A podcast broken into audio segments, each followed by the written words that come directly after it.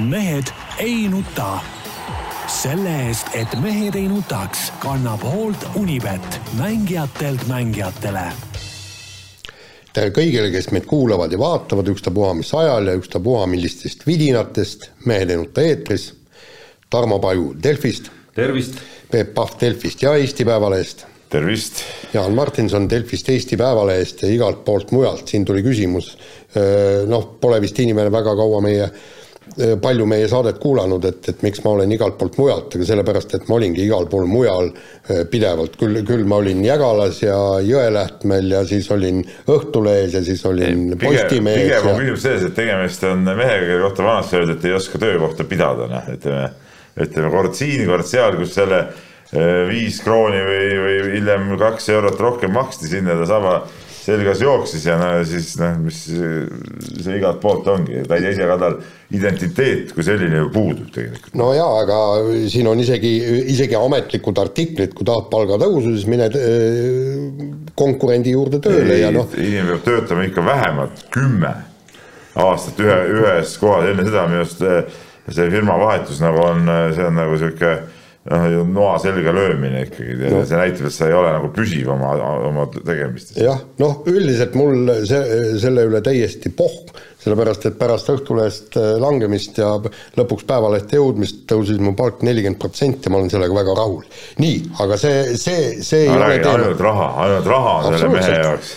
kas see raamat ikkagi ei ole nagu, sellest ei piisanud siis? ei, vähe no vaadates seda, seda neid veini ja viski koguseid, mis ta iga õhtu ära joob, siis loomulikult no lõpuks see lõpuks see rahakirst hakkab ju tühjenema no, tahaks ju head no, veini. tempo, tempo kasvab ka ilmselt. tempo kasvab. no, ja ilmselt, ilmselt ikkagi ka see sortiment kuidagimoodi areneb aja jooksul edasi, et, et alustas Jaan, ma kujutan ette, nagu ikka kõik eestimaalased, eestimaalased on alustanud kusagilt sealt mingitest, mingist, mingist magusast lägast, eks ole. ei, ei, meil oli õuna, õunauss ja Kagoor ja mis see oli, seitse, seitse, seitse oli, niisugused jubedad asjad ja siis läksime veidi parema kraami peale, mis oli pillimees, oli punane pillimees ja valge pillimees, valge pillimees oli märgatavalt parem ja ja siis tulid alles Monastõrskaja ispaad ja ja, ja kui Gruusias sai käidud, oh, sealt sai ikka head kraami. no ütleme nii, et mina olen Gruusias ka käinud ja ma ütlen niimoodi, et tegelikult Gruusiast võib saada ikka väga halba kraami ka, et, et et eriti need nii-öelda need äh, koduveinid äh, tihtipeale see ikkagi täielik salt. ja, ja aga meie ajal oli, meil oli noh, Tbilisis oli üks kindel keldripood, suur veinipood, noh, aga keldris asus. Ja seal oli selles mõttes hea, et, et alati pakuti sulle veini maitsta. Ja siis sa said rahulikult, said selle veini maitsta, sa olid seal poes muidugi tükimat aega, on ju, eks ja, ja siis toona oli ju hea, et sa said pudelid lennukisse kaasa võtta. isegi kui alguses, alguses degusteerides ei maitsenud võib-olla väga, siis ma usun, et äh, tunde hiljem sealt uksest välja tulles, siis, siis, siis maitses väga hästi, et üldmulje alati oli positiivne. see on ju nii, et vaata, kui ütleme, hakkad nagu ütleme mingit teravat ka võtma, siis alguses peaks olema sihuke kvaliteetne viin, eks ole, vaata, et noh, siis nagu pärast juba siis äh, läheb kõik sisse, ole vahet, et noh kõik see illegaalne alkohol kõik, tuleb sul keldrist välja. no välja. kuule, kui sa oled joonud piiritust mehukatiga, siis järelikult läheb sulle kõik sisse. kusjuures äh, Vene sõjaväes on ka odekolonni proovitud, polnud suurem asi. vot seda tuleb tunnistada, kolmekordset. no tõesti, nagu see seletab ilmselt nii mõndagi nii meie kuulajate-vaatajate jaoks, mida siin on eh, enam kui kümne aasta jooksul kuuldud läbi nende mikrofonide. mis veel, eh, Priit Pulleritsul oli väga, väga hea artikkel, see uus film eh, Peeter Rebase, mis iganes ta oli, eks, see oli Nõu-, Nõukogude sõjaväest, ja tegi seal teatud asja, ütles, film oli muidu okei okay,, aga selle nii-öelda, et inimene ei ole isegi viitsinud süveneda Nõukogude sõja, sõjaväe olemusse. ai kurja. kuule, siia me jääme. kuule, kujutad ette, kujutad ette, mis stseen seal on. tuleb seersant, seisavad rivis ja hakkab järsku teeduskat sõimama. seerda, mingi suvaline jorss ja siis annab veel kuradi ma laksu ka veel ära. ja siis Pullerits oli täiesti endast välja teeluskad olid ju ei, absoluutselt kõr-, kõr-, kuule, isegi, ise, isegi ohvitser, isegi kõrgem ohvitser ei läinud ja. ju teeduskat äh, sõimama. ja mina nägin ka seal, ma olen näinud sellest filmist ühte mingit reklaam äh, äh,, sihukest äh, roolikut, kus siis see. roolikud. jah, mida teksti meil tuleb siis, siin täna? siis kus see mingisugune reamees jookseb seal mingisuguse leitnandi või kellegi kõrvale sinna ja siis mööda vähese territooriumit kõrvuti seal jalutavad esiteks noh, see on nagu ebareaalne, et ütleme Nõukogude armees, et, et mõni sõdur niimoodi ohvitseri juurde jookseb ja siis, siis seal räägib. Tal olid muidugi haagid kõik olid lahti, juuksepahmaks oli, ma ei tea, kas ta oli tõesti ise juba ka teadus ka sel ajal või või ei olnud, et see oleks ainuke, ainuke õigustus sihukeseks asjaks, aga aga üldiselt see tundus nagu üks eba, ebareaalne natuke, tead noh. jah, ja aga kusjuures. nagu selle peale ei ole mõelda, et, et see ongi film, et seal polegi kõik nagu päris. ja nad vaatavad Nõukogude armeed peab näitama, milline päriselt oli. okei, mõned asjad, püha, see on püha värk. see on muidugi püha värk, jah. no oli ju ka Svešenna Vaina. jah, jah nii, kuule, lähme nüüd spordi juurde, aitab, äh, jätame täna kõik need poliitilised ja koroona teemad ära ja. kiusatus on muidugi tervitada siin mõnda isikut, kes on vererõhu üles ajanud siin. Eile näiteks, hommikul juba taaskord koosolekul ka väikese avaldusega esinesin, see puudutas Tanel Kiike, et no shit Sherlock tahaks öelda, korrata seda lauset, mis äh, meeleolu tabas mind, kui ma eile pärast Moskvat CSKA ja Kalev Cramo kohtumist jõudsin koju ja äh, lugesin natukene, mis õhtu jooksul kirjutatud oli kus mees rääkis siis nagu justkui suure avastuse ja üllatusega, et me nagu magasime maha siin ikkagi nagu mingeid asju, on ju. alles ja kuu me... aega tagasi, septembri lõpus. meie magasime, eks ju. rääkis ta Riigikogu ees, kuidas eh, kohe oleme mäel oma kõikide asjade ja piirangud hakkavad lõdvenema varsti ja nii edasi, nii edasi. no kuulge. no ei olegi mõtet rohkem kommenteerida, piinlik oh,. Okay. piinlik nii, aga, aga lähme nüüd siis eilse õhtu juurde, nagu ma vaatasin ka ilusasti, vaatasin mängu, et mingisugune kamp patsereid tuli sealt Moskvast kohale, mängida nad eriti ei osanud, täna Peebuga ka just rääkisime, et noh, et okei okay,, tema, tema Keila korvpallikool võib-olla ei oleks võitnud, aga oleks olnud märgatavalt resultatiivsem. Ja kui arvestada, et AKSK või CSK või mis ta iganes on, on, on Kalevi klient, noh, ma ei saa aru, mille pärast noh, kütame neile saunu, noh, veebruaris kütsime, nüüd kütsime, et noh, et sellest ei ole küll nüüd suurt asja vaja mm, siin välja mängida, et, et mingid suvalised karvajalad ja, ja nojah, teema, teema kokku no, ütleme jah nii muidugi, et CSKA oli ikka ebareaalselt kehv muidugi. no oli muidugi jah, et nagu me eile ka pärast mängu veel jäime natukene arutlema, et, et just nagu selles osas, kuidas äh, kuidas ka individuaalselt ükski mängija noh, ja seal võimeid on ikkagi nagu noh, seal on mehi, ma nüüd peast ilmselt ei suuda päris täpselt võib-olla öelda, aga mehi eilses koosseisus, kes on vähemalt korra Euroliiga nädala mängijaks valitud, vähemalt neli on seal kindlasti. võib-olla, võib-olla alahindan isegi seda, et, et neid mehi ja mõned päris värskelt, et neid mehi, kes oleks võinud nagu individuaalselt selle asja kuidagi ära tassida, et, et päris viiekümne kuue punktiga ei piirduks noh, meeskonnas äh, oli Euroliiga parimaid korvikütte ja nii edasi ja nii edasi, aga aga noh, isegi need ei suutnud siis, siis kuidagi nagu individuaalselt seda ikkagi ära teha, et, et väga, väga huvitav jah, teisest küljest jällegi äh, kui minna nagu justkui selle juurde, mida siis nagu räägiti ja, ja võtad selle Dmitri Situudise jutu, et, et neil on jube tihe graafik olnud ja neil on vigastused olnud ja nii edasi. kas Kalev Cramol ei ole olnud või?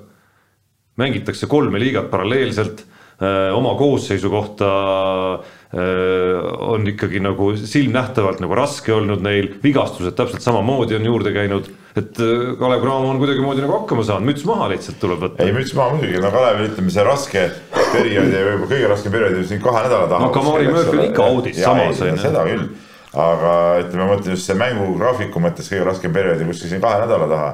et, et praegu nüüd viimane nädal nii, nii hull neil pole olnud, et et noh, ja ei no Kalev, noh hakkame sellest pihta, et kõigepealt, et Kalev ikka ise mängis ju, ju kaitses ikkagi suurepärase mängu ja noh, noh rünnakul ka kuskilt need korvid ju, ju lõpuks ikkagi tulid, et, et ega see Kalevi enda skoor nüüd ka mingi suur ei olnud, aga, aga asja point oli selles, et kui alguses tundus, et noh, CSKA paneb sellise kaitse peale, et no seal ei teki, Kalevil ei teki viskekohtagi, et kõik need kolmesed on ära võetud ja nii edasi. verest välja see neid ei löönud igatahes ja said, said oma mängu mängu käima ja lõpuks tekkisid need viskekohad ka ja, ja saadi hakkama küll noh. ja, ja teine asi, mis, mis veel näitas Kalevi sihukest võib-olla head valmisolekut, oli see, et kui see kolmandal veerandajal, kui see CSKA kaitse läks hästi agressiivseks ja, ja, ja tihedaks, et, et siis ka verest välja ei löödud, et, et seal oleks võinud, ütleme neid, neid altminekuid olla isegi nagu, nagu veelgi rohkem, eks ole, et, et kokkuvõttes see pallikaotuste arv ei, ei läinud nii suureks, mis Kalev tegi vist kokku kolmteist pallikaotust, kui ma õieti peast mäletan, et et see oli, oli ka jumala okei okay. et noh, on ta kehv CSKA sel konkreetsel päeval või ei ole, osa sellest äh, kehvusest tuleb paratamatult äh, ütleme siis Jaani-sugustele sellistele nagu, et mis see siis ka ei olnud, tuleb ikkagi sellistel aladel kirjutada konkreetselt vastase arvele. ja, ja Kalev Cramo kaitsearvele, mida sa siin kiitsid. ja ei, seda kindlasti, aga samas noh, arvestades, et kui CSKA mängib kogu aeg Euroliigas, et, et, et kas Euroliiga meeskondade kaitse on nii palju kehvem kui Kalevi kaitse, eks ole, et keegi ei ole suutnud CSKA-d hoida seal mingi viiekümne punkti peal, et, et kokkuvõttes ma tead, ma no vabavõistkeid, vabavõistkeid ilmselgelt Kalev Cramo mängijad ei, ei pannud ja. neid viskama mööda nii palju. et ma olen natuke, mul on hea meel, väga hea meel no Kalevi võidu üle et siin on kõik teatud äh, sümbolid ja ütleme, meie ajastu meestele huvis, et CSKA ei ole nagu vana ikkagi, äh, lugesin... ikkagi mingil määral ikkagi see nagu noh, annab teatud no.. ja ei, kusjuures ma lugesin eile õhtul koju minnes veel äh, natukene siis Vene portaale ja CSKA enda koduleheküljel kirjutatud. seal meenutati kohe nagu väga selgelt toodi välja see fakt, et viimati kodus võitis Kalev, Kalev siis ütleme, võitis CSKA-d või HKSK-d aastal üheksakümmend üks kuskil mai alguses ja,. jah, jah, et kas ta oli mai alguses, aga no ütleme jah, see kuskil põhiturniiri. ei, mingi kuupäev oli. Nagu aga põhiturniiri lõpupoole see oli enne play-off'e, eks ole. kui ma õigesti mäletan, jah, oli. ja, ja, just ja. aga no see selleks, aga ütleme ikkagi kuidagi see hakkas ka on, on nagu, on nagu sihuke sümbolmeeskond mõnes mõttes ikka meie jaoks nagu olnud ja noh, selle võitmine on alati äge, aga, aga teisalt jälle selle kogu selle heameele kõrval ma olin eile õhtul ikka nagu parajalt nagu pettunud ka, kui ma koju sõitsin, mõtlesin, et et, et kuramus küll, et ma nagu tulin ja tahtsin näha tõesti seda Euroopa tipptaset nagu mängimas, aga, aga tegelikult ma seda ikkagi ei näinud, noh, et, et et, et see oli nagu teistpidi nagu, nagu, nagu sihuke noh, pettumustunne oli ikkagi sees mõnes mõttes. no rääkige, kas nüüd Kalev astus sammu play-off'ile lähemale selle äh, Äh, selle võiduga või, või? minu arust sellest on muidugi vara veel rääkida. no sellest on jah vara rääkida, et astus muidu loomulikult lähemale, et on teatud võitude arv, mida, mida ilmselgelt play-off'i jõudmiseks vaja on. Äh, aga selle võitude arvuni on Kalev Cramol päris pikk tee minna veel ja noh, endiselt me oleme täpselt samas seisus, hoolimata sellest, kas meil on sees ka alistatud või mitte, et et noh, väga vähe, kui üldse, on selles liigas meeskondi, kelle vastu me soosikuna väljakule läheme, et seesama kohtumine, mis tuleb pühapäeval Minskit Smoki vastu, et see Smoki võib seal nullipoiss olla, aga minul pärast seda, kui ma siin eelmisel suvel kommenteerisin Valgevene koondise paari mängu, kus väga palju Smoki mängijaid oli, kes nimed, mis ei ütle eestlastele absoluutselt midagi ja kes mängisid seal äh, turniiril Valgevene koondise eest, mulle jätsid jube sümpaatse mulje ausalt öeldes et äh, see ei ole mingisugune sats, kellest äh, läheme sinna ja kuidagi rullime nagu lihtsalt üle. ei no kindlasti seal äh, midagi lihtsat ei ole, aga samas no ütleme, kui nüüd räägime sellest, et Kalev noh, võitis CSKA-d ja tahab jõuda play-off'i, siis, siis selge see, et see oleks nagu sihuke kohustuslik võit, mis, mis tuleb ära võtta ja, ja Kalev ikkagi teatud soosik selles, selles mängus nagu oleks. kuulge, aga eelmine mäng, Kalev, mille kaotas ja millest te kõik enda, välja läks, endast välja ja, läksite no,, kirjutasite suuri kommentaare, kuidas on siis, tehke mulle selgeks, kui kolm punkti on vahe, tuleb viga teha või ei tule viga teha? ei no see oli ju selles mõttes äh, nagu perfektne päev mõnes mõttes, et hommikul me rääkisime siin just sellest ja. Äh, äh, natukene muude mängude näitel, mismoodi siin nagu vea tegemine on elementaarne ja õhtul tuli siis tõdeda, saatsin ka mõne sõnumi, näidati isegi Keila Keila korvpallikooli peatreener oskab paremini seda asja. no see on, no too, too mäng läks nahka neil jah, äkki neil on õpitud sellest.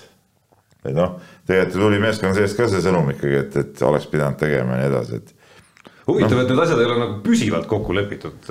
ma yes, nagu, ma nagu eeldaks, et kuidagimoodi siin, siin räägiti ei, pärast seda, päris, ei, pärast seda Ostende mängu nagu räägiti seda, et seal nii-öelda nagu melus kuidagimoodi läks nagu see sõnum kaotsi ja ei olnud võimalik meeskonnale üheselt seda anda, et. et kuidagi võiks see ju nagu reeglina paigas olla, noh kasvõi ma ei tea, mingi sekundite arvu järgi, et kui ikkagi alla kümne sekundi jääb äh, kolmega oleme ees ja, ja vastase käes on pall, et siis me üritame selle vea nagu teha, et noh, seal ei olnud üritust ka mingit moodi. ja seda küll jah seda küll jah, aga no nüüd ongi, et see ongi huvitav nagu, mis nagu näitab seda Kalevi võib-olla natuke kõikuvat taset ka, et ütleme, kui noh, et äh, Champions League'is on saadud äh, paar sellist väga valusat kaotust, nüüd võetakse VTB liigas äh, sihuke superklubi vastu võit, eks ole, et, et noh, mis see Kalevi tegelik tase on, sellest polegi veel täpselt aru saanud. no ma arvan, et see tegelik tase ongi seal kus me ikkagi ei lähegi soosikuna ühegi vastase vastu nendes liigades, noh, see ei ole realistlik lihtsalt, et selles mõttes mulle nagu kõige rohkem äh, sümpatiseeribki see, mida siin Indrek Reinbok eilse mängu eel, ma olen siin saates seda ka jauranud nüüd vist juba võib-olla liiga palju juba, aga mida Indrek Reinbok eilse,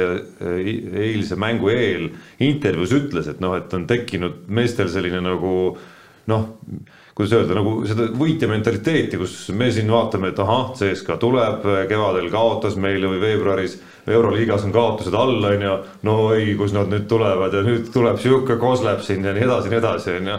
et, et, et meestel endal nagu ei ole sellist asja enam vähemalt, et, et viimased aastad on minu arust nagu selle ära võtnud ja, ja pidevalt suudetakse ikkagi nagu üllatada meid positiivselt. kuigi need mehed on ju tegelikult ju muutuvad iga aastaga, et me just sinuga vaatasime, et palju siis neid eelmise aasta või õigemini kevadise võidu äh, varakevadise võidu äh, mehi meeskonnas on, et seal oligi ainult paar meest tegelikult. ja, aga noh, neid võite on saadud ka varem ja mitte CSKA üle, et, et Kristjan Kangur, kes tuli nüüd tagasi, omab ka täiesti DNA-s seda tunnet, et, et olgu ta Unix, äh, Lokomotiiv või, või Nižni Novgorod, et noh, vahet ei ole. kuulge, kiitke nüüd Nurgerit, kiitke Nurgerit. ei, mis ma veel tahtsin ütelda, et ma ütlesin seda eile ülekande ajal ka, et, et et, et ma tahaks saata puu taha kõik, kõik need vennad, kes räägivad, et seda VTB liiga ei ole nagu oluline ja kui on valida, siis valiks selle madalama euroliiga, mitte VTB liiga, ma tean, Tarmo on ka selle partei mees võib-olla natuke olnud, kui ma olen õigesti aru saanud.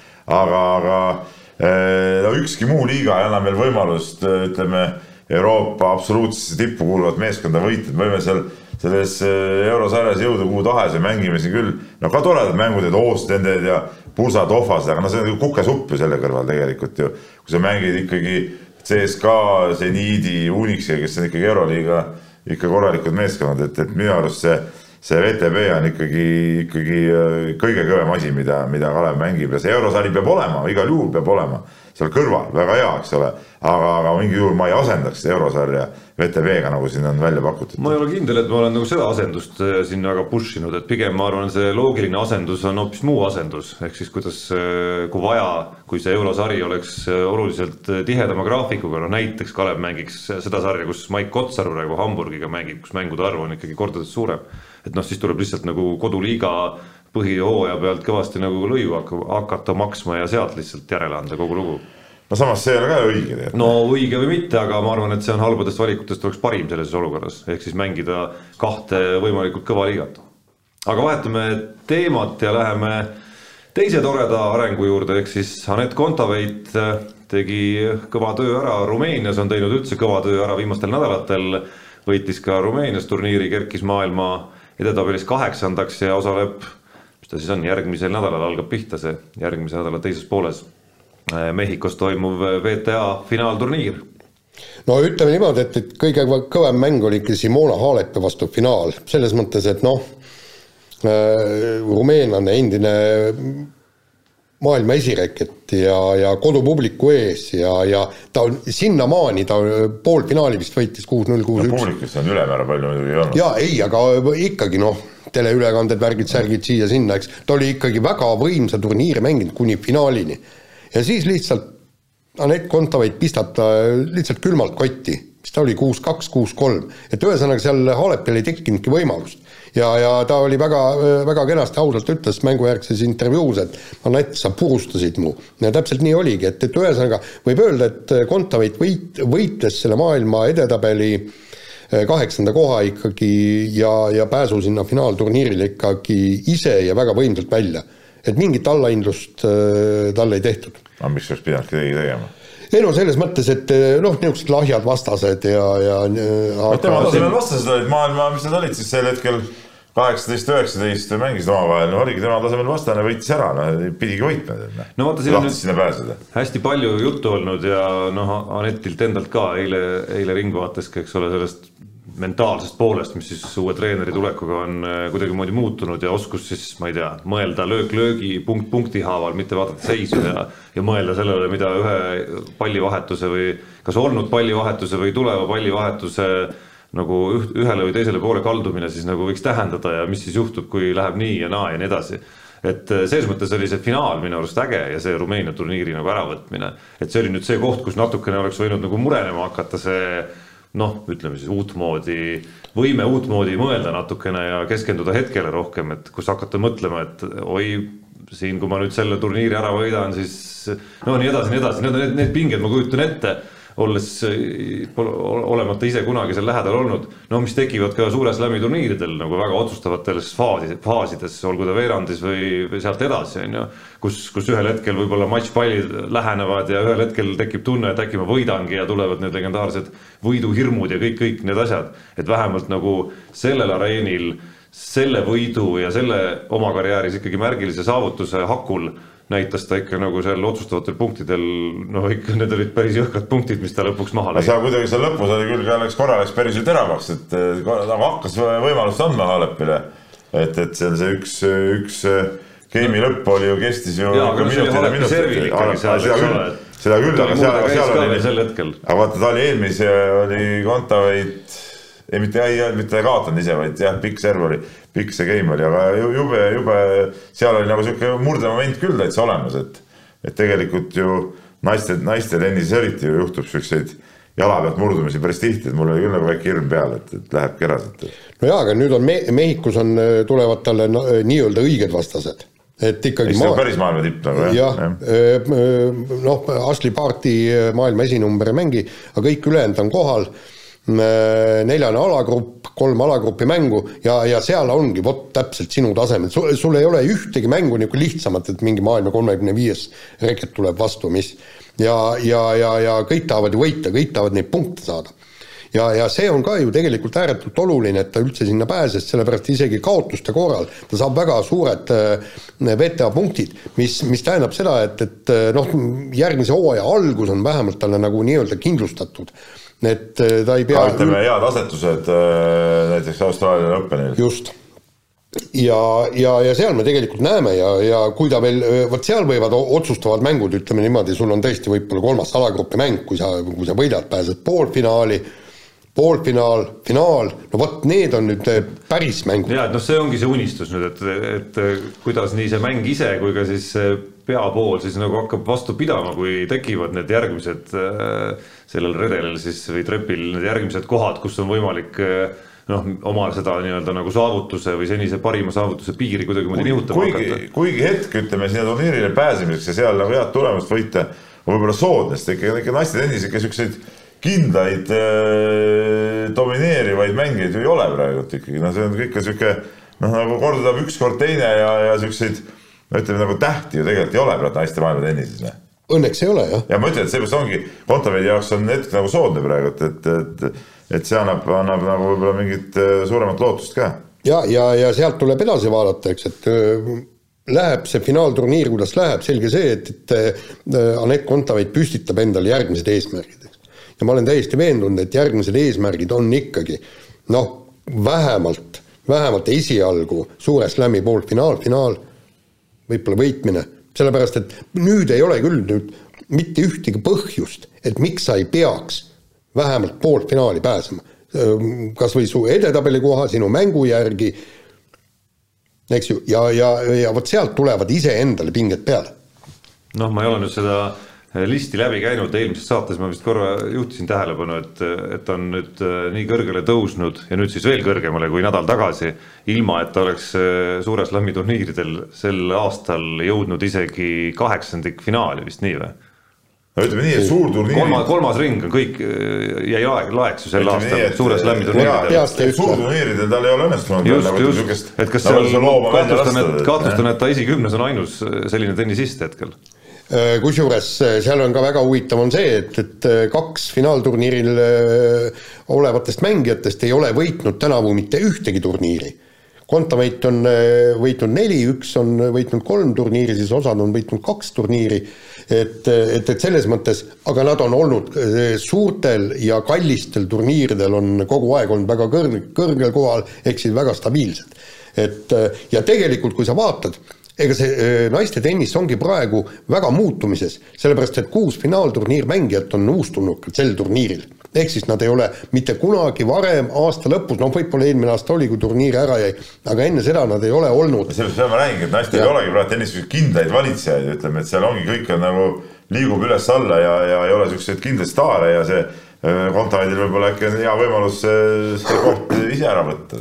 jaa, aga tegelikult noh, vaataks ikkagi pigem järgmisse aastasse, sest noh, selles mõttes kama kõik, ta võidab selle, ei võida selle, ikka tähtis on see ajalukku sa lähed, nagu me eelmine saade rääkisimegi, ikkagi suure slam'i võiduga. see, sa ei lähe isegi olümpiaga ajalukku, niivõrd kui suure slam'i, ükstapuha millise turniiri võiduga ja väike faktikontroll ka siia lõppu jah, et kolmas, kolmas, esimene ja kolmas ring olid siis selle aasta saldod äh, neljalt äh, Suure Slami turniirilt. nii, aga lähme edasi äh, ka intrigeerivate teemadega, Eesti Jalgpalliliit maksab siis ligi sajale esiliiga jalgpallurile hooaja lõpuni palka, et teha nad profisportlaseks ja turniir, et turniir saaks peetud siis sõltumata sellest, kas mehed on vaktsineeritud või mitte. ma ei tea, keegi siia küsimuse, kas see on mõistlik, mina ütlen, et loomulikult on mõistlik noh. huvitav, kus see, kus see, seleta nüüd, sul, sa ise oled korvpalli esiliiga klubi peatreener ja eestvedaja, et, et teil ju sellist vajadust ei ole või on täpselt sama, sama küsimus ees seisate äh...? ma sain aru, et ei olnud see tööleping lõpuks nagu vajalik ikkagi. Äh, see on äh, kas seal ei ole niimoodi, et, et sul peab mängijad olema äh, koroonapass? ei, ei oota, see on niimoodi, et on küll vajalik selles suhtes, et kui, kui see mängija ei ole Eh, profilepinguga, eks ole. Eh, ta ei ole nagu töölepinguga sul tööl eh, ja ta on vaktsi-, näiteks on mängija, ütleme sina. no see ei, küsimus ongi nendes mängijates, kes ei ole vaktsineeritud. sa ei ole vaktsineeritud, aga sul on minuga tööleping, siis ma klubina teen selle riskianalüüsi nii-öelda. see peab olema kõik vormistatud ja, ja siis vastavalt sellele sa pead tegema ka neid, ikkagi neid teste ja, ja ma luban sul treeningutel ja mängudel osaleda, tead noh. aga selleks sul peab olema ikkagi see nagu profileping, et kui sul seda nagu ei ole siis, siis ei kehti see reegel. jaa, aga kuidas ühesõnaga, ühesõnaga Jalgpalliliit tegi sellise väga suure žesti vaktsineerimata mängijatele. jaa, aga, aga ma ütlen selles suhtes, see on nagu õige käik, et makstakse nende palka veel kinni. punkt üks, äh, vaktsineerimine ei ole nagu Eesti Vabariigis kohustuslik, kuigi võiks minu arust olla, aga noh, kuna ta ei ole praegu kohustuslik, on ju, siis minu arust oleks nagu väär äh, karistada kogu äh, esiliigat sellega, et seal osad mehed ei ole vaktsineeritud, jätame selle liiga, paneme kinni, nagu alguses jalgpalliliit tahtis teha. pani üldse kõik need madalamad liigad ka kinni, mida korvpall näiteks jumal tänatud ei ole teinud. et järelikult korvpallis on vaktsineeritud inimesi ikkagi rohkem. et, et ähm, ja see oli väga õige, et need maksavad siis okei okay, nendele kasvõi sümboolselt annavad selle palgatoetuse. jalgpalliliidul see võimalus on nagu olemas ja võimekus ja, ja liiga saab toimida ja see on minu arust kõige tähtsam. sport peab eh, jätkuma ja toimuma. jaa, aga seal on te-, palju küsimusi, et, et kuidas see meie siis nii-öelda vaktsineerimisele ja kogu selle ühiskonna vabamaks muutmisele kaasa aitab, eks. teine küsimus on see, et, et. ei no, Jaanik Ene, kas sa saad aru, meil ei ole kohustuslik ju vaktsineerida kuigi ma rõhutan veel kord, minu arust võiks olla kohustuslik, aga see ei ole ja siis ma ei saa seda sinu käest Jaan ka nõuda, mitte kuidagi. just, aga, aga sa ütled, et, et kui sind ei ole vaktsineeritud, siis nagu praegu haiglates on, sõjaväes on, siis järelikult sa meil töötada ei saa ja järelikult sa mängida ei, ei saa ja kõik. ma arvan, need kohtulahendid hakkavad alles tulema, ega, ega see see, mina arvan isiklikult, et see päris niimoodi, et käia ei saa, et siin oleks tulnud ikkagi valitsuse poolt teha konkreetsed otsused, et nii ongi, pead vaktsineerima kõik. aga siin, sina, Jaan, või mingi uh, Urmo Soomland ei saa mulle ütelda, et ma pean ennast vaktsineerima. ei, aga Peep no., äh, Peep, tee mulle selgeks, miks siis, miks ei võiks see turniir ikkagi läbi mängida nende mängijatega, kes on vaktsineeritud, miks mitte no,? me ei pane sellega. mõiskad ei saa kokkugi ennast, noh no, no siis see on tuleb... nende probleem no.. ei, miks see nende probleem on, on...? meil ei ole ju sellist seadust, Jaan, kas sa saad aru, oleks selline seadus kõik õige. kahjuks meil sellist seadust ei ole ja siis ei ole ka muud valikut. ja ei ole sihukest mingit isetegevust, et, et, et, et jalgpalliliit peab mingeid omi mingeid asju seal ajama. Peep, tee mulle selgeks, kas meil on olemas riigiseadus, et äh, koroonahaige mängija ei tohi tulla treeningule või äh, mängust platsile, kas meil on see seadus olemas? kus sa, kus sa tead? seadus ongi see, et kui sa oled koroonahaige, siis sa pead, eh, kui sa ei ole vaktsineeritud või tead. see ei ole kindlasti ei ole seadus. muidugi on, no see on valitsuse korraldusega tehtud, aga meil ei ole valitsuse korraldus, isegi kui seadus ei ole, meil ei ole valitsuse korraldust, et kõik peavad ennast vaktsineerima, ei ole ju. on või? ei ole ju. minu arust võiks olla, aga ei ole. ja ei. antud olukorras, kui ei ole, siis ma leian, et täiesti õigustatud on, et jalgpalliliit hoolitseb selle eest, et esiliiga, mis on ikkagi ülioluline liiga, seal mängivad paljud ütleme ka meistriliiga järelkasvuvõistkonnad ja nii edasi, et see liiga toimiks ja, annavad see palgaraha sinna, väga õige. Noh. oota, kas see nüüd näeb välja see, et, et palka hakataksegi maksma ja töölepingut tehaksegi siis ainult äh, nendega, kes ei ole ennast vaktsineerinud no,? ma ei tea, ma ei. nagu maksame veel peale ka neile. ma ei tea, mismoodi esiliigas on kui palju seal on. Äh, sest neile, kes on vaktsineeritud, ei ole vaja neid töölepinguid teha. me ei tea, palju esiliigas üldse neid profimängijaid on ja palju ei ole, tead näe ja aga seal oli, seal oli kuskil li, ligi sajale inimesele ja selle hooaja lõpuni on siis ja, äh, need ja. lepingud tehtud. et ma veel kord rõhutan, et keegi valesti aru, minu arust võiks olla kohustuslik, aga kuna see ei ole, siis, äh, siis ei saa seda ka nõuda, noh, siis ongi, siis jalg- ja, ja sellisel juhul ma ütlen, jalgpalliliidu absoluutne õige tegu, et liiga peab toimima meil ei ole mitte mingit põhjust neid liigasid kinni panna. Ja tegelikult Jalgpalliliit tegi absoluutse lolluse, et ta pani madalamad liigad kinni, et ei lastud lõpuni mängida, see oli jälle Jalgpalliliidu täielik lollus. Huvitav, kas nagu jalgpalli noh, vabaõhumäng ikkagi, kas seal need riskianalüüsid ei või jõuda selleni, et, et sul ei ole vaja neid töölepinguid ja asju seal üldse nagu juurde? ei no see tööleping oli vist, see oli jälle, vot see oli jälle valitsuse, vot sa ütled, ei ole seadus, see, see ei ole seadus, aga see on, see on valitsuse poolt kehtestatud, ma ei tea, kas määrus või noh, sina, Tarmo, oled selles juriidikas kindlasti pädevam.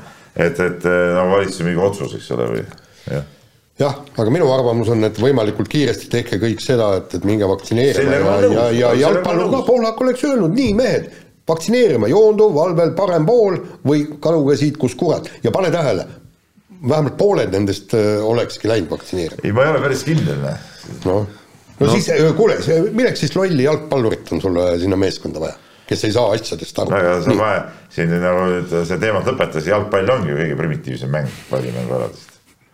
ma ei vihjanud mitte midagi nii, aga lähme nüüd jalgpalliga edasi ja Eesti Ekspress avaldas dokumenteeri- dok,, äh, avaldatud dokumendid demonstreerivad, kuidas Aivar Poolaku juhitud FC Flora ehitas peamiselt võõra rahaga A Le Coq Arena ja müüs selle Eh, seejärel superkasumiga maha Aivar Poolaku juhitud Jalgpalliliidule.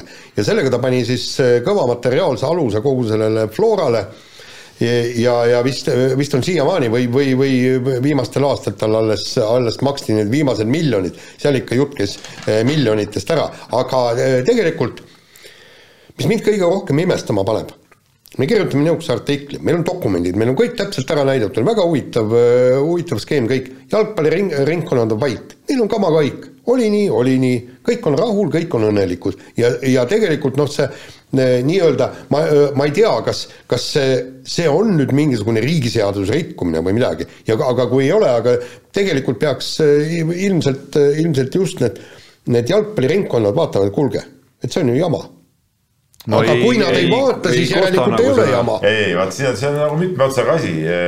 see on mitme otsaga asi, ütleme rahulolematud võiksid olla, ütleme siis need eh, teised nii-öelda Eesti tippklubid, kes eh, ütleme, ütleme, kellega võrreldes siis Flora on saanud eh, rahalist kasu ja, ja suuremaid võimalusi, eks ole, noh. et nemad võiksid olla selle vastu. küll aga ütleme, mingid tavaklubid, noh, tervikuna jalkafännina mul on hea meel, et see staadion seal üldse olemas on ja ja ma arvan, see mõte, mõte ongi selles, et meil seda staadionit on vaja, see on olemas, näe, vahepeal mingi tehti veel, anti mingit raha juurde, ehitasime suuremaks, eks ole, kõik oli äh, vägev, tead, noh, suur kompleks on olemas, minu arust väga õige, et see on olemas kõik. noh, liht-, liht-, ütleme, ütleme tavaklubi või tavajalgpalli inimese vaatevinklist seal võib-olla midagi ei olegi, küll aga ma oleks tõesti nagu arvanud, et, et Levadia, Nõmme, Kalju noh, Paide, kuigi vist Paide on ikka mingit, mulle tundub, et ikka mingit pidi on nagu see Flora kuidagi nagu ka ikkagi paremates suhetes ja, ja, ja, ja mingi teatud side võib-olla seal olemas. et, et vot just ütleme Levadia, Kalju, ütleme sealtpoolt oleks küll oodanud sellist, sellist äh, suuremat madinat, et, et minu arust näiteks Kaljul on ju nahk kõvasti üle kõrva tõmmatud, ma saan aru, seal üks tingimus oli ju ka see, et jalgpalliliit, äh, no see üks viimase aja tingimus, et teeb selle Nõmme staadioni korda, eks ole, mis on siis, eh, kus Kalju kodumänge peab, seal ei ole mitte midagi toimunud, vot, see on nagu sigadus, eks ole. et, et nüüd oma asjad on saadud korda, aga seal, mis on teistel tarvis teha, siis järsku on pöö, eks ole, midagi toimunud. ja aga teine asi ongi see. et sellega ka see Nõmme Kalju, okei okay,, seal on muud hädad ka, aga selle Nõmme Kalju minu arust see identiteet on nagu täiesti ära rikutud sellega, nad mängivad ju praegu oma kodumänge siin, ma ei tea, kus Kadriorus või Lillekülas või noh, see, see ei ole see noh vaata, see on, see on kogukonnaklubi seal peaks olema, nemad peaks mängima seal oma Nõmmel, siis oleks need igasugused roosad pantrid ja, ja härra Kaljud ja kes seal kõik olid, eks ole, jalutavad seal ringi ja, ja, ja on, on see nagu möll üleval. aga kui staadionit pole, midagi teha ei saa seal, noh siis see asi vajubki laiali. huvitav jah, ma veel scroll isin siin, mulle jäi silma oktoobri lõpus siin, siin Kuno Tehva, Nõmme Kalju eestvedaja postitus sotsiaalmeedias, mis keskendus sellele noh, nii-öelda põnevatele sündmustele jalgpallirindel, mis, mille kaks punkti olid, üks oli seesama esiliiga teema ja teine oli siis eh, premium-liiga lõpu lühemaks muutmine, noh, mis eh, Nõmme Kalju jaoks ka võib-olla kõige mõnusam otsus ei olnud, on ju, aga selle nagu sada korda kaalukama teema kohta ma vähemalt nüüd viimasel ajal ei ole nagu sõnavõttu näinud. jaa, aga tee, aga, aga noh, jällegi ma ei ole juriidikas pädev, aga, aga tegelikult see nüüd on nii, et, et sedasama skeemi võiksid, peaksid saama kasutama ka teised. Levadia ehitab endale korraliku kompleksi, korraliku staadioni, tribüünid ümber, läheb maksma kakskümmend miljonit, kolmkümmend miljonit ja siis Jalgpalliliit ostab selle ta, äh, endale, miks mitte?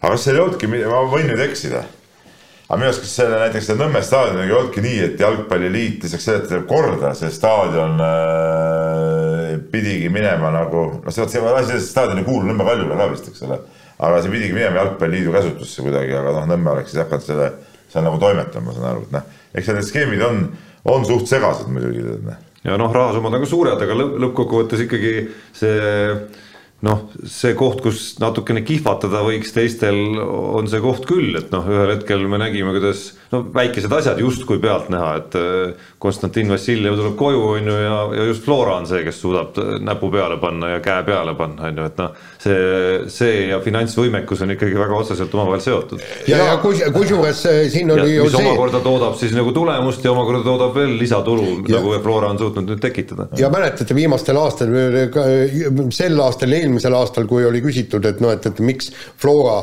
oma mängijaid niivõrd palju ei kasuta, vaid ostab teistelt klubidelt ära, siis Pohlak ütles ausalt, et see staadioni e-, e-, ehitamine pärssis meie noorte tööd, eks aga, aga nüüd, kui sai selle staadioni jalgpalliliidule maha müüdud, siis, siis nüüd läksid asjad äh, märksa paremini käima. no kokkuvõttes jalkasõbrana ikka ütled, et kõige tähtsam on see, et meil on staadionid ja meil on meeskonnad, kes mängivad ja kuidas need sinna on tulnud, meil ükspuha no seda ka nüüd. noh, ja kolmandast otsast nüüd nähes seda nagu noh, seda ühest küljest seda skeemi on ju, mis, mis nagu noh, ütleme, selle staadioni oleks võinud saada ka nagu ilma ehitada, nii et sellest ühele klubile konkreetselt nii palju kasu ei oleks sündinud, nagu see lugu näitas, on ju.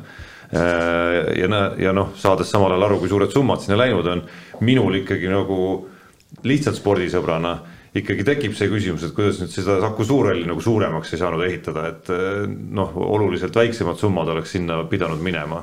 meenutan seda viimast eh, olukorda, kus korvpalliliit finaalturniiri endale tahtis saada no see noh, vot see oleks sellele sama mõttetu suuremaks ehitamine, nagu oleks olnud, nagu oli see jalgpallistaadioni suuremaks ehitamine. miks? ma näen isegi, ma näeks isegi nagu potentsiaali mitte ainult finaalturniiril seda täis saada, mitte noh, mitte, mitte, see ei ole nagu ühekordne. millal see nüüd täis oli? no praegu on raske, oota peast ma ei meenuta seda kohta ära, aga siin ma arvan, me peame koos meenutama seda, aga neid kohti on olnud küll. Bulgaaria mäng näiteks. kaks tuhat viisteist või neliteist või kuskil seal. ei no siin vahepeal on veel olnud neid. ei ole, ei ole olnud täis, ei ole olnud täis tuleks, tuleks, tuleks, tuleks. ei, ma ei näe, ma ei näe nagu mingit äh, mõtet nagu sellele. ei no pluss mitte ja pluss veel spordivälised asjad sinna juurde, millel on, oleks nagu pointi, see ei ole ainult spordi küsimus. noh, spordivälises mind ei huvita üldse ausalt öeldes nii, aga esimese saatuse lõpetuseks. kui linnahall valmis uuesti korralikult, linnahallis tehakse kontserte ja värke, seal mõnus, pehmed toolid, tore on istuda. kunagi taheti. linnahallis ei ole ju mingit potentsiaaligi kümmet tuhandet inimest sisse panna. ei, kunagi taheti Kossu ka seal hakata mängima. just, just, täpselt. seal lava peal, nagu sa ei mäleta seda. ma olen käinud isegi mai turniiri vaatamas sealsamas linnahallis täitsa äge oli, võrreldes äh, muude hallidega, mis tol ajal olemas olid, nägi sihuke kaasaegne välja. aga noh, selles mõttes äh, ilmselgelt ei ole sellel potentsiaali saada nagu suurhalliks no.. olgu need suurhallid, kus on, vana hea Kalevi spordihalli nad üle ei löö mitte kunagi, see on ka selge. see on ka õige. aga esimese saatuse lõpetuseks äh, räägime natukene ajendatuna eelmise nädala Pealtnägija loost, kus oli juttu sellest, kuidas vehklemistreener Helen Nelis-Naukas terroriseeris pärast äh, koostöö lõppemist äh, hilisemat olümpiavõitjat Katrina Lehist, ja tema lähedasi ja tema treenerit telefonisõnumitega, natukene kippus seal mingil hetkel ka füüsiliselt lähemale Äh, lõpuks Lehis andis asja politseisse ja nõudis lähenemiskeeldu, oportuniteediga see asi lõpetati, mille sisu on siis see, et, et Nelis Naukas pidi ka, pidi ikkagi mingil moel nagu omaks võtma ka selle teo ja, ja samal ajal jookseb siit teemast nagu allhoovusena läbi natukene teine teema ka, kus siis äh, Nelis Naukas ühest küljest imestab, kuigi ma ei saa aru, miks ta imestab, miks talle kui esimesele treenerile ei, ei määranud siis Katrina Lehis preemiat äh, olümpiavõidu eest, aga jah, see allhoovus jookseb sinna, et kuidas ikkagi nende esimeste treenerite või varasemate treenerite tööd ka hinnata olukordades, kus sportlane suure saavutuseni jõuab. selline pikk sissejuhatus. Ja pikk sissejuhatus, aga muide, see, siit tulebki ju vastus, mäletad, me äh, spekuleerisime, kas siis oli omavahel võib-olla saates ka, et, et kui, äh, kui Katrina Lehis ikkagi öö, oma treeneriga ei suhelnud ja ta ei tahtnud temast midagi kuulda, olümpiamängudelgi oli ju, oligi, oli ju see ja, ja ja siis me omavahel rääkisime, et ju neil on olnud siis mingisugune väga tõsine konflikt. no nüüd eh, siit, siit tuligi välja, eks et.... jaa, aga, aga ütleme siis see on, see on nagu kahe otsaga, nagu sa tõid ka nagu kaks seda poolust, eks ole. no esimeses on... otsas ei ole siin nagu väga ei, midagi no, kahetist minu arust nagu no, selles, selles, selles teemas no,. natuke on ka võib-olla, aga me täpselt ei tea ju no sealt seda... toodi ikkagi kõik need ei, sõnumid ei, ja. ei, sõnumeid, see on nagu tulem juba, saad aru, see on juba tulem, noh. Eh, miks inimene ära keerab, eks ole, et, et eh, ju siis see lahkuminek ikkagi noh, tema jaoks oli, eh, ei olnud nagu nii õige ja, ja ta hakkaski, hakkaski seda sellepärast, kuidas ma ütlen, nagu õõnestama, no ma ei ütle, et see õige tegu on kindlasti mitte, loomulikult sul ei ole mõtet, et sõnumeid saata, aga, aga. no treenerina aga... ka edasi töötav inimene võiks ennast talitseda siis. no aga usud, võetakse elutöö käest ära? no mis mõttes võetakse no, käest ära, koostööd ikka lõpevad. kas no... ta oli laulatatud Katrina sa ei ole ühtegi sellist asja, Tarmo, kunagi teinud, sul ei ole isegi võimalik seda see... tajuda, seda, seda olukorda. no sellega me võime siit no. Äh, jutu kohe lõpetada, öelda, et kuna ei ole tajunud, siis no, pole terroriseerimine vale igal juhul. ei no seda ma ju ei ütlegi, et see õige on, aga ma räägin seda, et, et sinu õpilane läheb ära sinu käe alt ükskõik, isegi kui see on pooltüliga, siis lõpuks sa ju lepid sellega ja lähed edasi eluga, mis siis teha, noh no ei tea.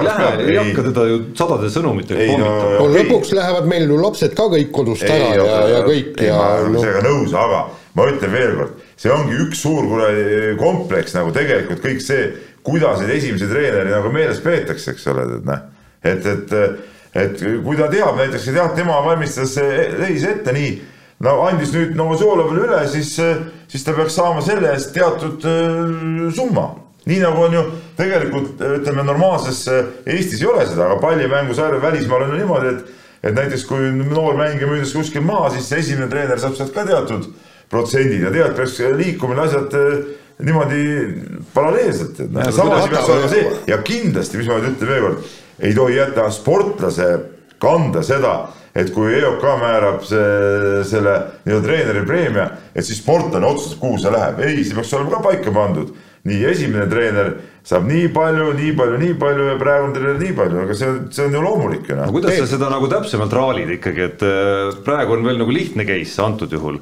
Äh, me räägime olukorrast, kus sellel sportlasel noh, oligi enamik elust oli üks treener ja siis tuli treeneri vahetus, nüüd on teine treener praktikas enamik olukordi on ju palju keerulisemad, neid treenereid võib olla hästi palju no,, noorteklassis võib sul olla veel nagu korraga ühel aastal mitu treenerit, keegi asendab, keegi ei, okay, on põhitreener ja nii edasi ja nii edasi ja siis võib olla sul seal selles käigus võib-olla veel treenereid, kes ma ei tea, aasta aega olid äh, keerasid võib-olla pekki midagi üldse selle aja jooksul. ei, ei, ma, ma peaks silmas praegu ikka noorte treenereid. miks peaks tema kes, veel. kes kasvatasid üles sportlase kuni äh, noorte aja lõpuni, ütleme nendest sõltub ja, kõige rohkem. aga kas sinna sisse võib mahtuda treenereid no,, kes olid vahepeal aasta ja keerasid võib-olla pekki hoopis midagi no., millega järgmised treenerid, mille korrigeerimisega pidid tegelema, võib-olla ahistasid ka seda õpilast veel, on ka neid näiteid siin. võib-olla, no sa tood rumalaid näiteid. ei, mitte võib-olla, on siin. ei no sa tood ju mingeid, mingeid rumalusi praegu välja. ei, miks rumalusi? aga mis on siis selle, mis selle noortreeneri, mis selle noortetreeneri töö mõte siis üldse on siis? ei no see on teine teema, loomulikult peaks, ei, mina räägin konkreetselt sellest, kuidas sa siis teed vahet ja kuidas sa mõõdad seal, kui sa ütled, et sportlane ei tohi selle üle otsustada. aga kui sa, kui sa sportlasega hästi läbi saad. ei, mis hästi, hästi halvasti läbi, see peaks olema paigas näiteks kolmkümmend protsenti esimesele treenerile, seitsekümmend protsenti praegusele treenerile. ja see kolmkümmend või, või on see nelikümmend, see jagatakse noorteklassi treeneritele on ära, kes temaga on töötanud. oota Peep, näiteks ütleme Nelis Naukase puhul see, see ei ole küsimus sellepärast, et Nelis Naukas viis Katrina Leise Euroopa meistriks ehk ta viis absoluutsesse tippu? tähendab absoluutsesse tippu ja ma kindlasti ei arva, et Euroopa meistritiitel oleks vehklemises väiksema väärtusega kui olümpiapronks sellepärast, et seal on ikkagi tõesti maailma parimad kohad. noh, puuduvad äh, hiinlannad, puuduvad äh, korealannad, eks, noh, võib-olla mõni üksik ameeriklane, aga, aga see mass on märgatavalt ne. suurem, nii.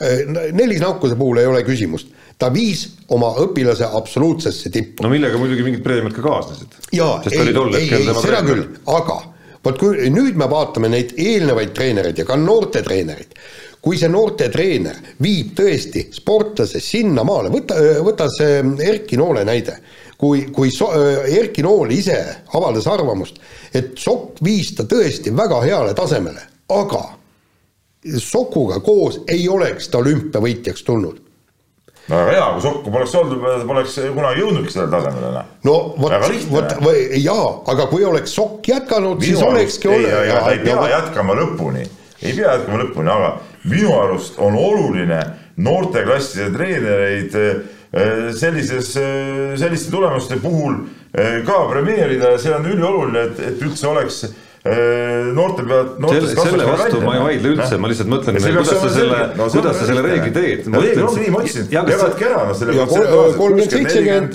kolmkümmend, seitsekümmend, no see, see on nagu teatehnika. sellepärast teist, teistpidi ei ole minu arust ka päris aus öelda, et nüüd üks tegi töö ära, teine on hoopis viljad, on ju, et me ei tea kunagi, no seesama Erki Noole näide näiteks on ju, et äh, oleks läinud noh, näiteks siis Sokuga edasi, noh seda vilja poleks tulnudki võib-olla nagu see, no see praegune treener saab ju nagunii oma raha ju noh. ja aga, aga, aga siin ma räägin, selles mõttes on see noortetreener, seal on, mis on noortetreeneri põhiülesanne, esiteks toob selle lapse spordi juurde, sellesama spordi juurde. hoiab seal. hoiab seal ja tekitab temas vaimustust ja soovi jätkata ja jõuda maailma tippu kui noortetreener seda ei tee, no põhimõtteliselt siis kukuvadki need äh, lapsed lihtsalt sealt trennist ära. tipptreeneritel polegi kedagi just, treenida seal lõpuks, väga lihtne. jah, et, et selles mõttes, et, et, et noh, nagu sa Peep ütlesid, et ikkagi see esimene treener, kes su sinna spordi juurde toob, et, et, et see ongi karjääri jooksul üks olulisemaid, ma ei, ma ei kindlasti ütle, et see on kõige olulisem,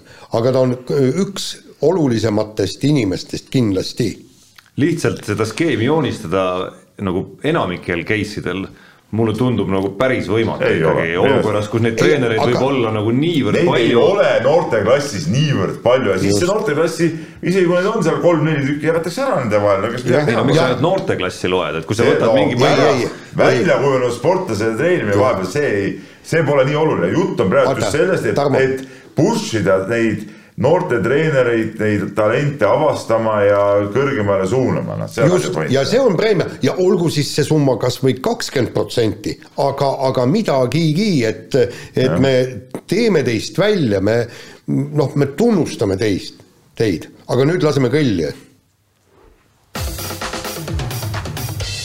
no nüüd on see kiire vahemäng, peab tõesti väga kiire olema nii, huvitav pööre on Eesti B-naiskonna peatreeneri konkursi juures, et ainsaks kandidaadiks on end esitanud Nikolai Novosjolov ja nüüd pole praegusel hetkel selge, kas siis kuulutatakse konkurss läbikukkunuks või siis lepitakse Novosjoloviga kokku ja sõlmitakse leping. aga mind huvitab kõige rohkem selle juures see, ei mul ei ole midagi Novosjolovi vastu, kindlasti hea treener ja kandideeris, kõik, kõik on okei okay., aga mind rohkem huvitab see, et eh, mis alusel vallandatakse Kaido Kaaberma. jaa, see on ka huvitav.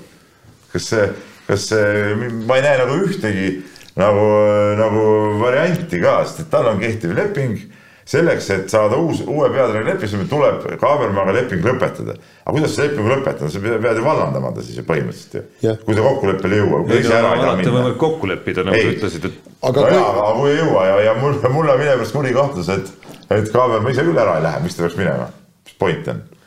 Ei no aga vaata, siis, siis tekibki, oot-oot-oot. siis ta ei, ei saa no seal, seal mingeid, ei no mingeid võimalusi on siiski veel, kui ma nüüd mõtlen, noh, selles mõttes, kui ametiülesanded näiteks mingil määral muutuvad, siis on võimalik inimest koondada näiteks. siis ei saa uut peatreenerit tööle võtta, sa ei saa võtta sama, sa ei saa võtta sama. saad küll, kui ei sa saa. nagu muudad ametiülesandeid mingil määral, no ma ei tea, lisad sinna mingeid mänedžeri ülesandeid ja mingeid asju, millega Kaido Kaaberma võib-olla ei tegele ja mis tema töölepingus ei olnud. et noh, seal mingeid pügalaid nagu on, aga, aga see see minu arust teeks sellele loo nagu veel inetumaks, kui see nagu niigi on juba läinud.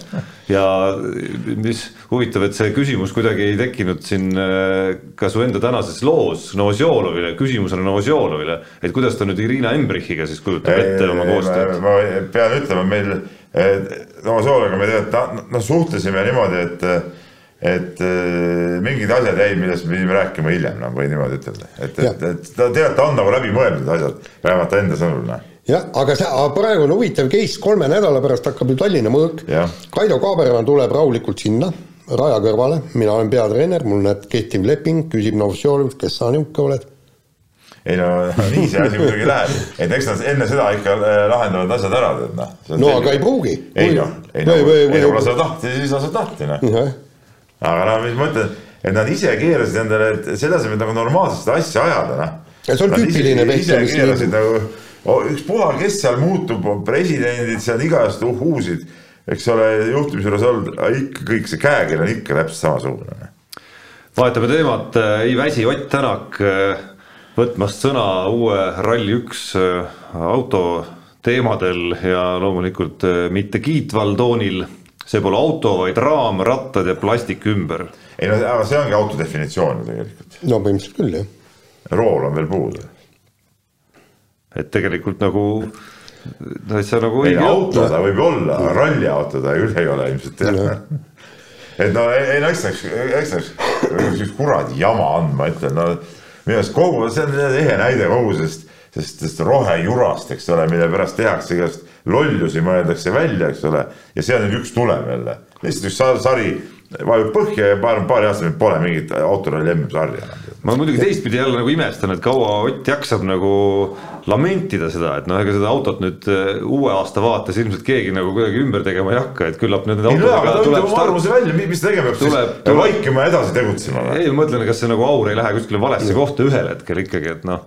Ei no aga kui temalt küsitakse ta, no, ja, see, sa ütled ära, et et äh, ma ütlen iga kord, et see must kaamera jalg on, on nõme, eks ole, aga see aur sellepärast kuhugi valesse kohta ei lähe. ma siin saadetan ikka samamoodi edasi äh, aga ei, ma kiirelt ütlen, et äh, vaatasite see, Hayden Padan tegi seal Uus-Meremaal endal selle elektriauto ja ta sõitis seal ka seda, noh, mingisugune üksikud kiiruskatset, see oli vist mingi Maci tõus või kuskil mingi niisugune asi. ja, ja, ja videot sellest hääl oli muidugi täielik jura, eks, aga hääl peab olema, sellepärast et pea, publik ja inimesed peavad teadma, et auto tuleb. aga kui sa vaatad seda, seda Hyundai Kona elektriautot ja kuidas ta sõitis, pagan, see oli ikka päris äge ega ta ägedam ei saanud olla, kui nüüd need, need autod, millega nüüd MM-il hakkas. ei, aga ma nägin, teate, mingi elektriautode rallisari on ju ka olemas ma nägin üks päev, äh, plõksisin, see oli võib-olla mingi kuu aega tagasi, euro, noh, telekanalid ja kas seal Eurospordi pealt või kuskilt oli mingisugune, mingi rallisaade, ma niimoodi poole silmaga jäin nägema, siis ma sain aru, et seal sõitsid ka mingisugused elektriautod, et noh, need, need liikusid seal küll kuidagi nagu üliaeglaselt ja ja üli, ülilahjalt, et. ja aga need olid ka vist mingi ralli äh,, Rally neli autod mingi. nojah, mingid, mingi, no mingi. no mingi juunior WRC. no mingi jah, aga noh et see jättis küll siukse mulje nagu nagu ma ei tea, vanaisa oleks Zaporozhetsiga sõitnud seal ka kiiremini. jaa, aga, aga näiteks nagu see Padon ütles, et, et see, see on täiesti piiramatud võimalused on sellel elektriautol, tal on ju praegu ei, niimoodi. ei ole ju elektriauto neil ju noh, praegu.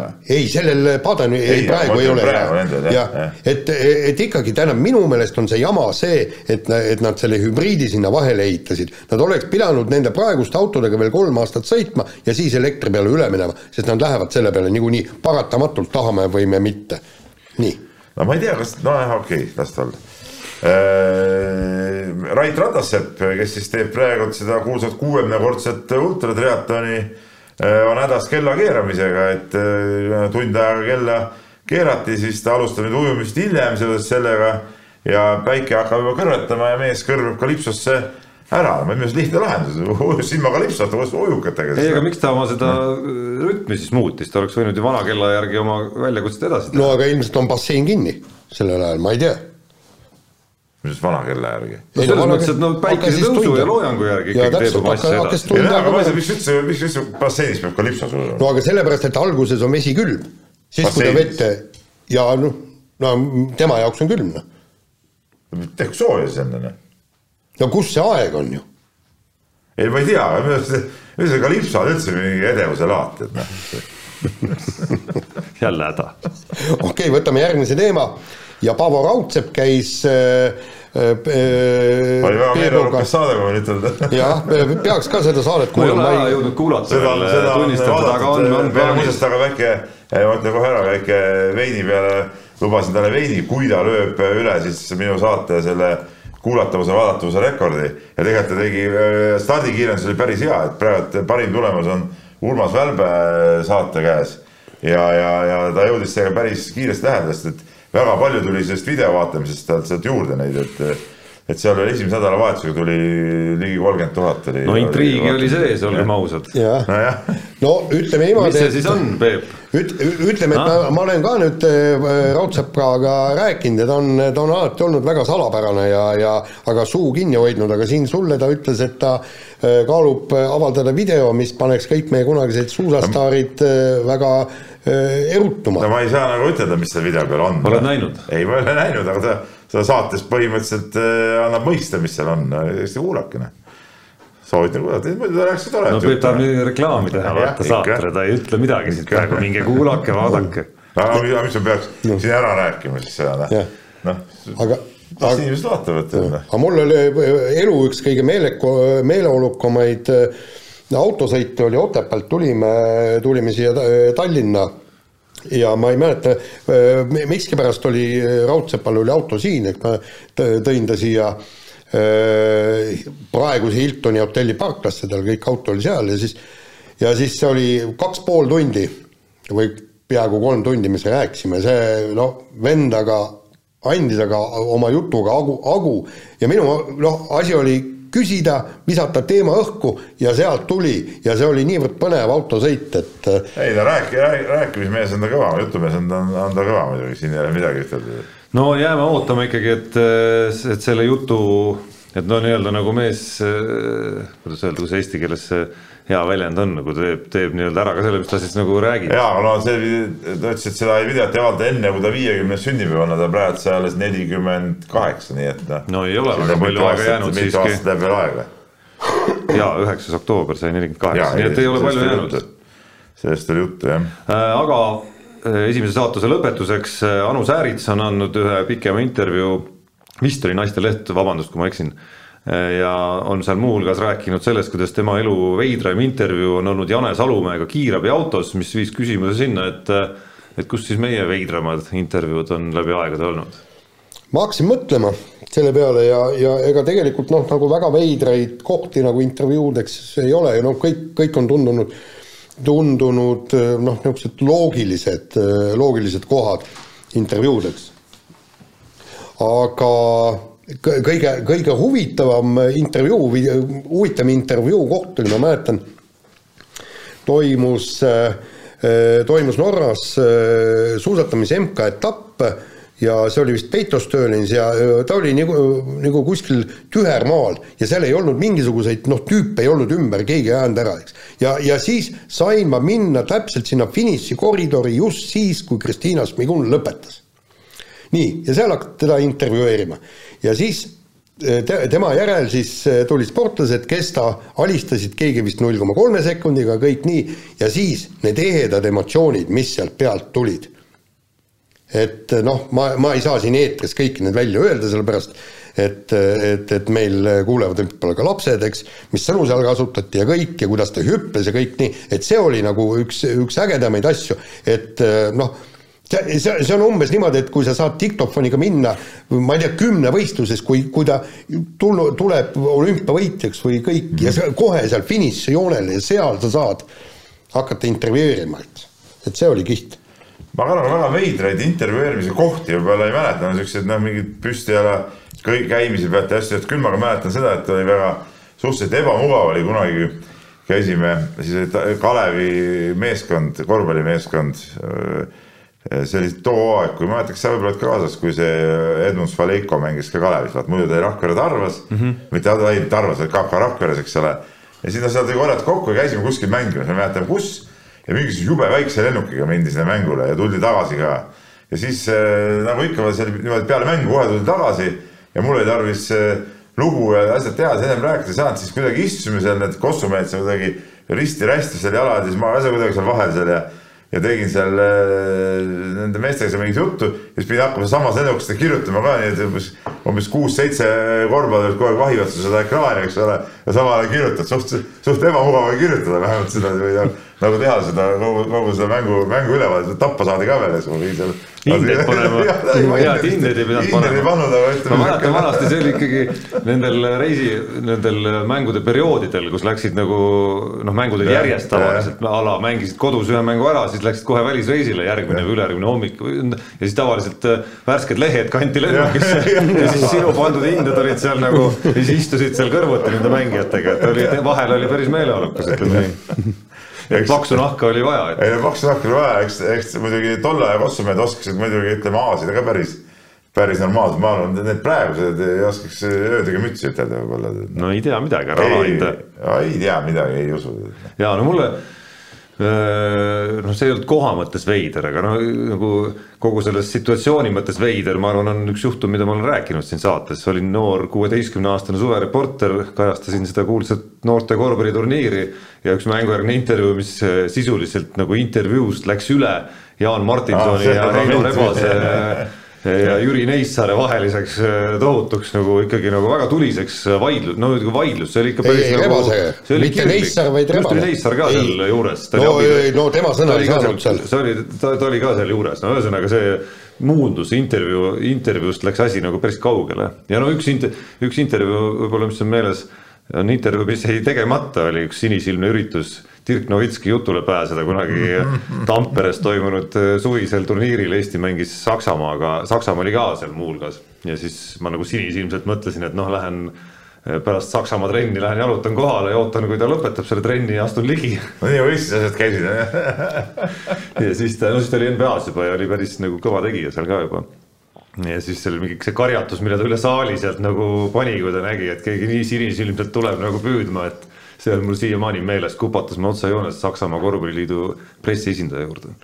ja, ja kes, kes tegi siis selgeks, et, et nii need asjad ei käi meil ja, ja siin, siin ma siis äh, lõpuks äh, äh, annan üle ka vabandused äh, maandusinimestele äh, et seda lugu teie olete ju kuulnud, see, kui me üheksakümnendatel ühe kolleegiga läksime maadletest ja Aha. Eesti maadlusajaloost äh, lugu tegema, räägime, seal oli noh, Audentases, et peatreeneriga teeme loo, jõuame kohale, seal oli kaheksa lipsuga vanahärrat istusid ümber laua, laud oli kaetud nagu äkke, minu meelest oli seal ka joovastavaid jooke ja kõik, et kõigepealt sööme, kartulisalat, värgid-särgid ja kõik nii siis, kõik olid, näed, ajakirjanik tuli külla ja nüüd me räägime Eesti maadluse minevikust ja tulevikust ja kõik siis vanahärrad kõik rääkisid, kui me saime siis äh, seal mingi poolteist tundi kõik sinna panime linti, aga see oli noh, ütleme niimoodi niisugune äh, ja meil oli kaks ja Ants oli jah, ja see oli üsna kaootiline jutt ja mõtlesime, et ah, vaatame, et, et noh, teeme selle kuidagi hiljem ja siis järgmine paari päeva pärast juba maadlejad helistavad, no millal intervjuu ilmub ja kõik, me tahame kõik panna siia üles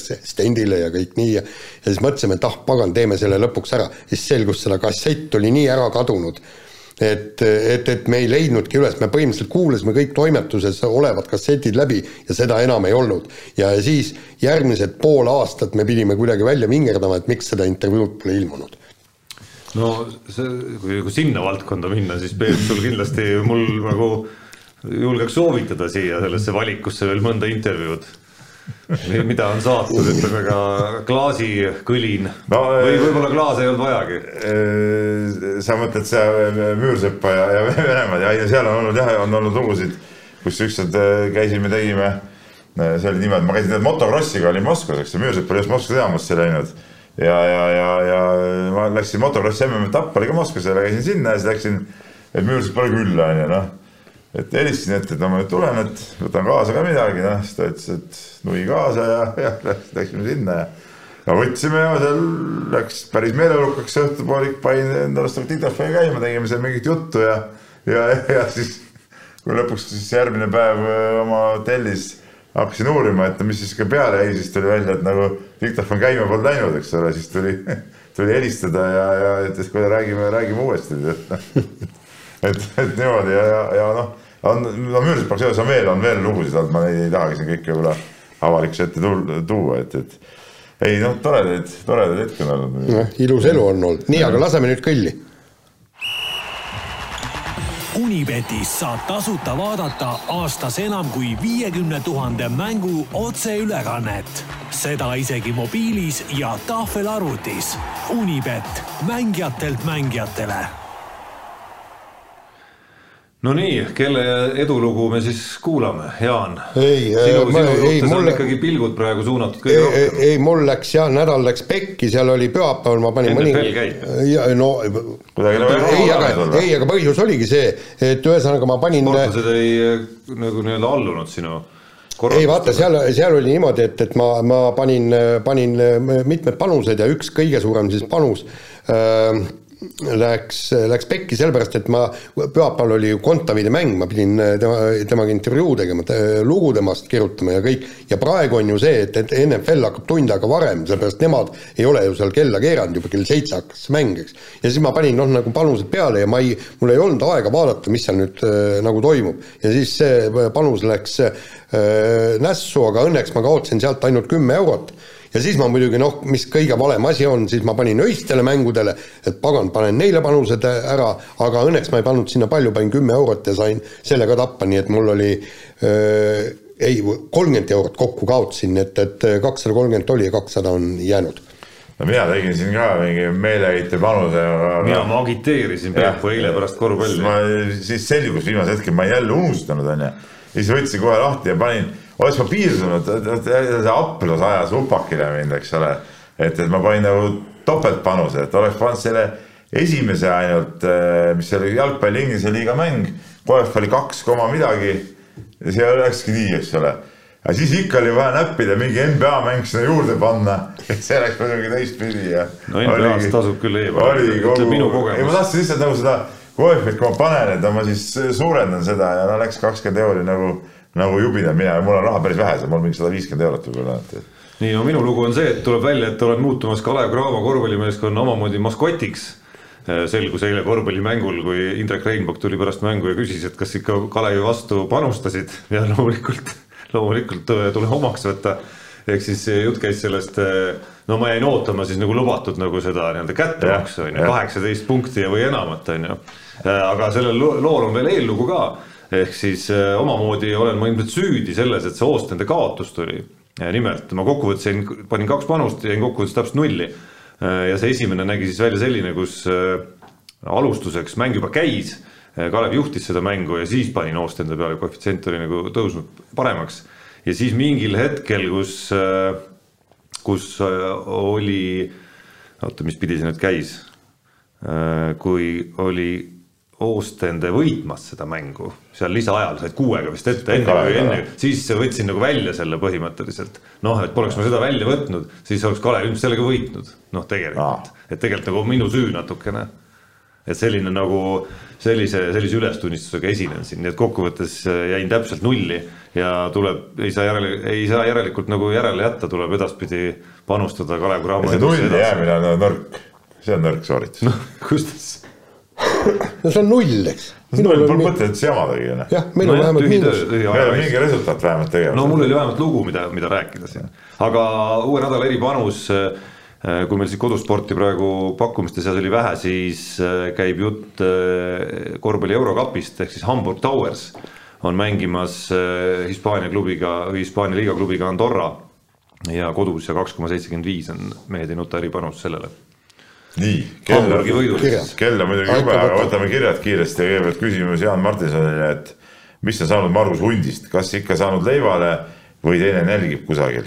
jaa, nälgib kahjuks, on ikkagi treening kopis iga täna teise... ei ole nagu kinni pandud või? ei, nüüd ei tea, täna, täna peaks kinni panema, siiamaani on kogu aeg jaa, ei, ta sai mängida, aga seal oli see, et, et kuna see on nii segased reeglid, ühesõnaga ta vahetas välja ühe koroonahaige mängija, mida oli, oli võimalus teha, aga ta mängis väga kehvalt. see on, see ma aru ei saa, et üks päev mängib seal mingi umbes maailma parim mängija, öeldakse, et kõik, et ja siis saab teistkord platsil, see on maailma kõige kehvem mängija. no jaa, aga vaata, kui sa, kui sa käid nii pisteliselt platsil, siis noh, mõnikord tuleb välja, mõnikord mitte ja siis ta peab vinduma, minu meelest oli kakskümmend neli tuhat äh, dollarit nädalas äh, näljapajukil peab praegu seal äh, treeningrühmas vinduma nii, aga siis Indrek ütleb meile, et võtke Jaan Kärme kord Kossu kommenteerima, korralik trio ikkagi.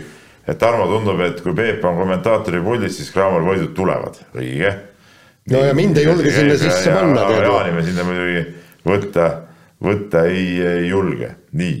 ma ei tea, kust see Peebu seos siin nüüd et, just et, nagu tuli, et minu arust algas see jada pihta juba ikkagi nagu minust endast ikkagi. ka Raunoga tulid võidud. ära hakka siin nüüd pisendama minu olulist rolli, nii. Ain kirjutab meile, et tere mehed, et viimases Mehed ja nuta saates heitsite küll Anett Kontaveidi ümber toimuvast. vist sai mainitud ka ralli, ja jalka teemad, aga Eesti jaoks kõige põhilisem jäi üldse mainimata. Tšerepovetsi, Severstalli käekäik ja Robert Rooba juba kolmas öeldud värav ja resultatiivne sööt. kuidas selline asi sai juhtuda? vahva oli KHL-i TV-kanalit kuulda, eh, kuidas saatejuhid juba esimese löödud värava ajal kommenteerisid, et kas nüüd tuleb kogu Eesti rahvas tänavale. aga põnevad mängud on, soovitan kõigil vaadata ja ei, ma soovitan ka vaadata, ma ikka, ikka võimaluste piires olen ka KHL-i mänge vaadanud ja, ja vägev liiga on muidugi ja, ja, ja vägev, et Rooba seal mängib ka. võiks veel mõne värava muidugi lüüa, aga no okei okay,, kolm väravat ja kaks söötu praegu, viis resultatiivsuspunkti, noh. arvestades liiga taset nüüd, ega see nüüd mingi paha värk ka pole, mängida saab, see on kõige tähtsam, et, et mängida saab no,. aga mis teie sellest arvate, te ei sellest midagi muidugi? ei no mina, mina arvan seda, et ta kuulub sinna sellele tasemele, ta kindlasti kuulub no,. KHL-i tasemele. see, see oli võimas, võimas. oli. võimas arvamus nii äh,.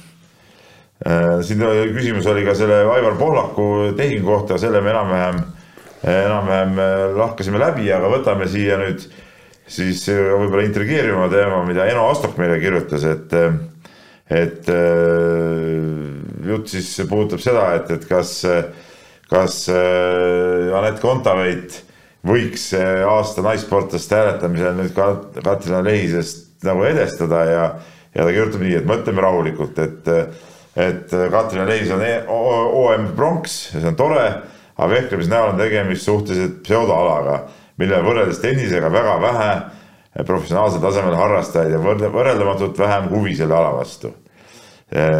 Siis kirjutab, et vehklemise olümpiale pääsemise süsteem on ülitotter, kus paljud tugevad jäid välja. Ja sellepärast ei olnud see ütleme, individuaalne pronks ka nii, eh, nii, kuidas ma ütlen, nii kõva nagu, eks ole.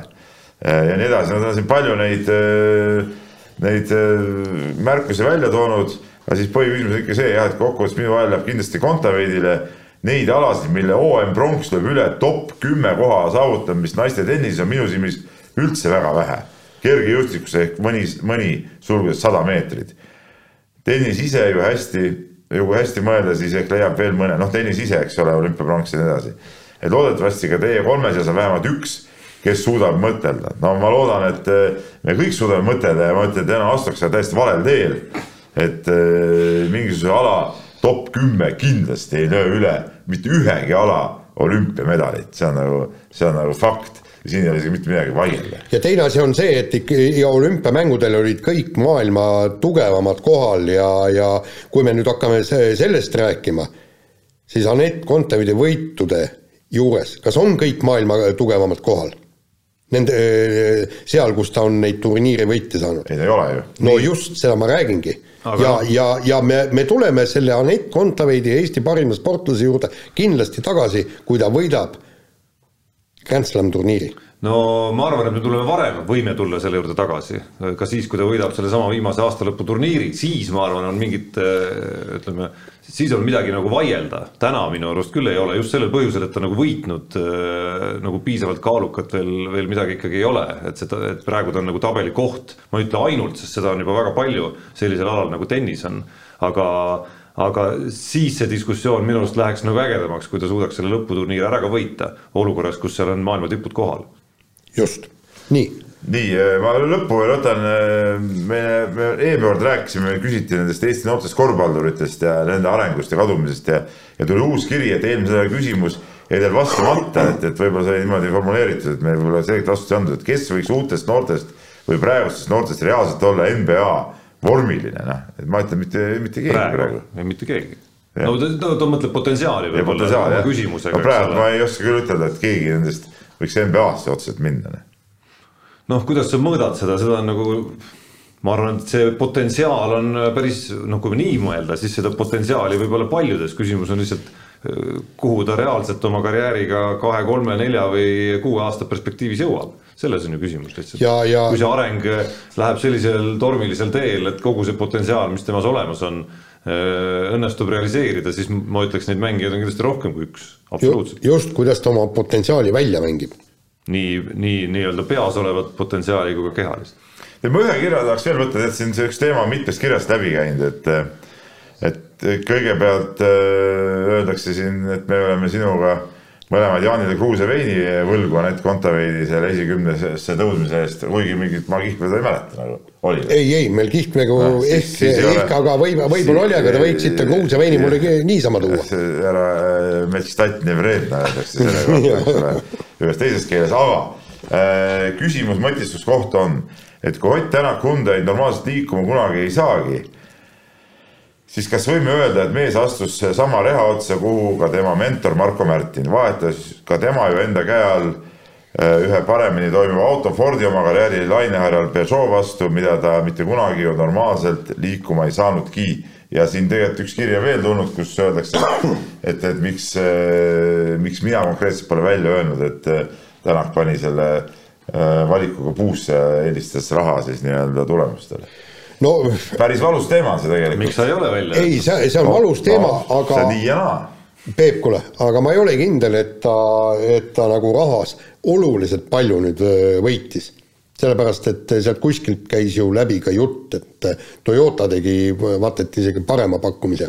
aga, aga seal võib ikkagi see taga olla, et, et ta ei uskunud, et ta ei suuda, kui ta on suutnud panna Fordi, kui ta on suutnud panna Toyota kõik enda, ähm, endale sobivalt sõitma. miks nüüd seda järsku? ja nüüd, miks ja, seda ja. ei saa, aga näed, seda ei ole saanud no tõehetk mõnes mõttes ootab ees uue autoga. oh jumal, sellest ma. võib-olla lõplikult öelda, kas oli viga või mitte. vaadates neid Ott Tänaku kommentaare, kommentaare, siis tundub, et see ei sobi talle, see ei sobi talle üldse, mul on selline tunne. aga ei, ma ütlengi nii, et eh, mis sa ütled, et see raha jah, et, et seal kindlasti võisid olla mängus ka mingid äh, muud, ütleme pikemaajalisemad ütleme, finantsilised äh, mõjutajad ja, ja, ja, ja need võisid kindlasti nagu oma rolli mängida, aga aga tundus, et seal Toyotas ikkagi ka eh, noh, Mäkineniga ikka suusatavad ka risti, et, et eh, see oli, see oli ka üks noh, sellele andis ju selge vihje ka Marko Märtini intervjuu, mis ta, mis ta andis pärast seda toda hooaega, kui, kui Tänak Toyotast lahkus, et et eks neid detaile oli siin ikkagi palju rohkem kui lihtsalt see, et kas raha või tulemused ja, ja, ja kindlasti ma ei usu, et Ott läks ainult raha peale, et, et seal noh, ta on ikka sees, ta on ikka nagu spordimees, noh just, ja, ja oleks nüüd see selle Latvala tiimi bossiks tulnud aasta varem, ma arvan, et ta äh, oleks ja, jäänud ikkagi ja. ilusasti Toyotasse paigale. nii, aga sellega on meie saade lõppenud ja kuulake meid järgmine kord. mehed ei nuta. saate tõi sinuni Unibet, mängijatelt mängijatele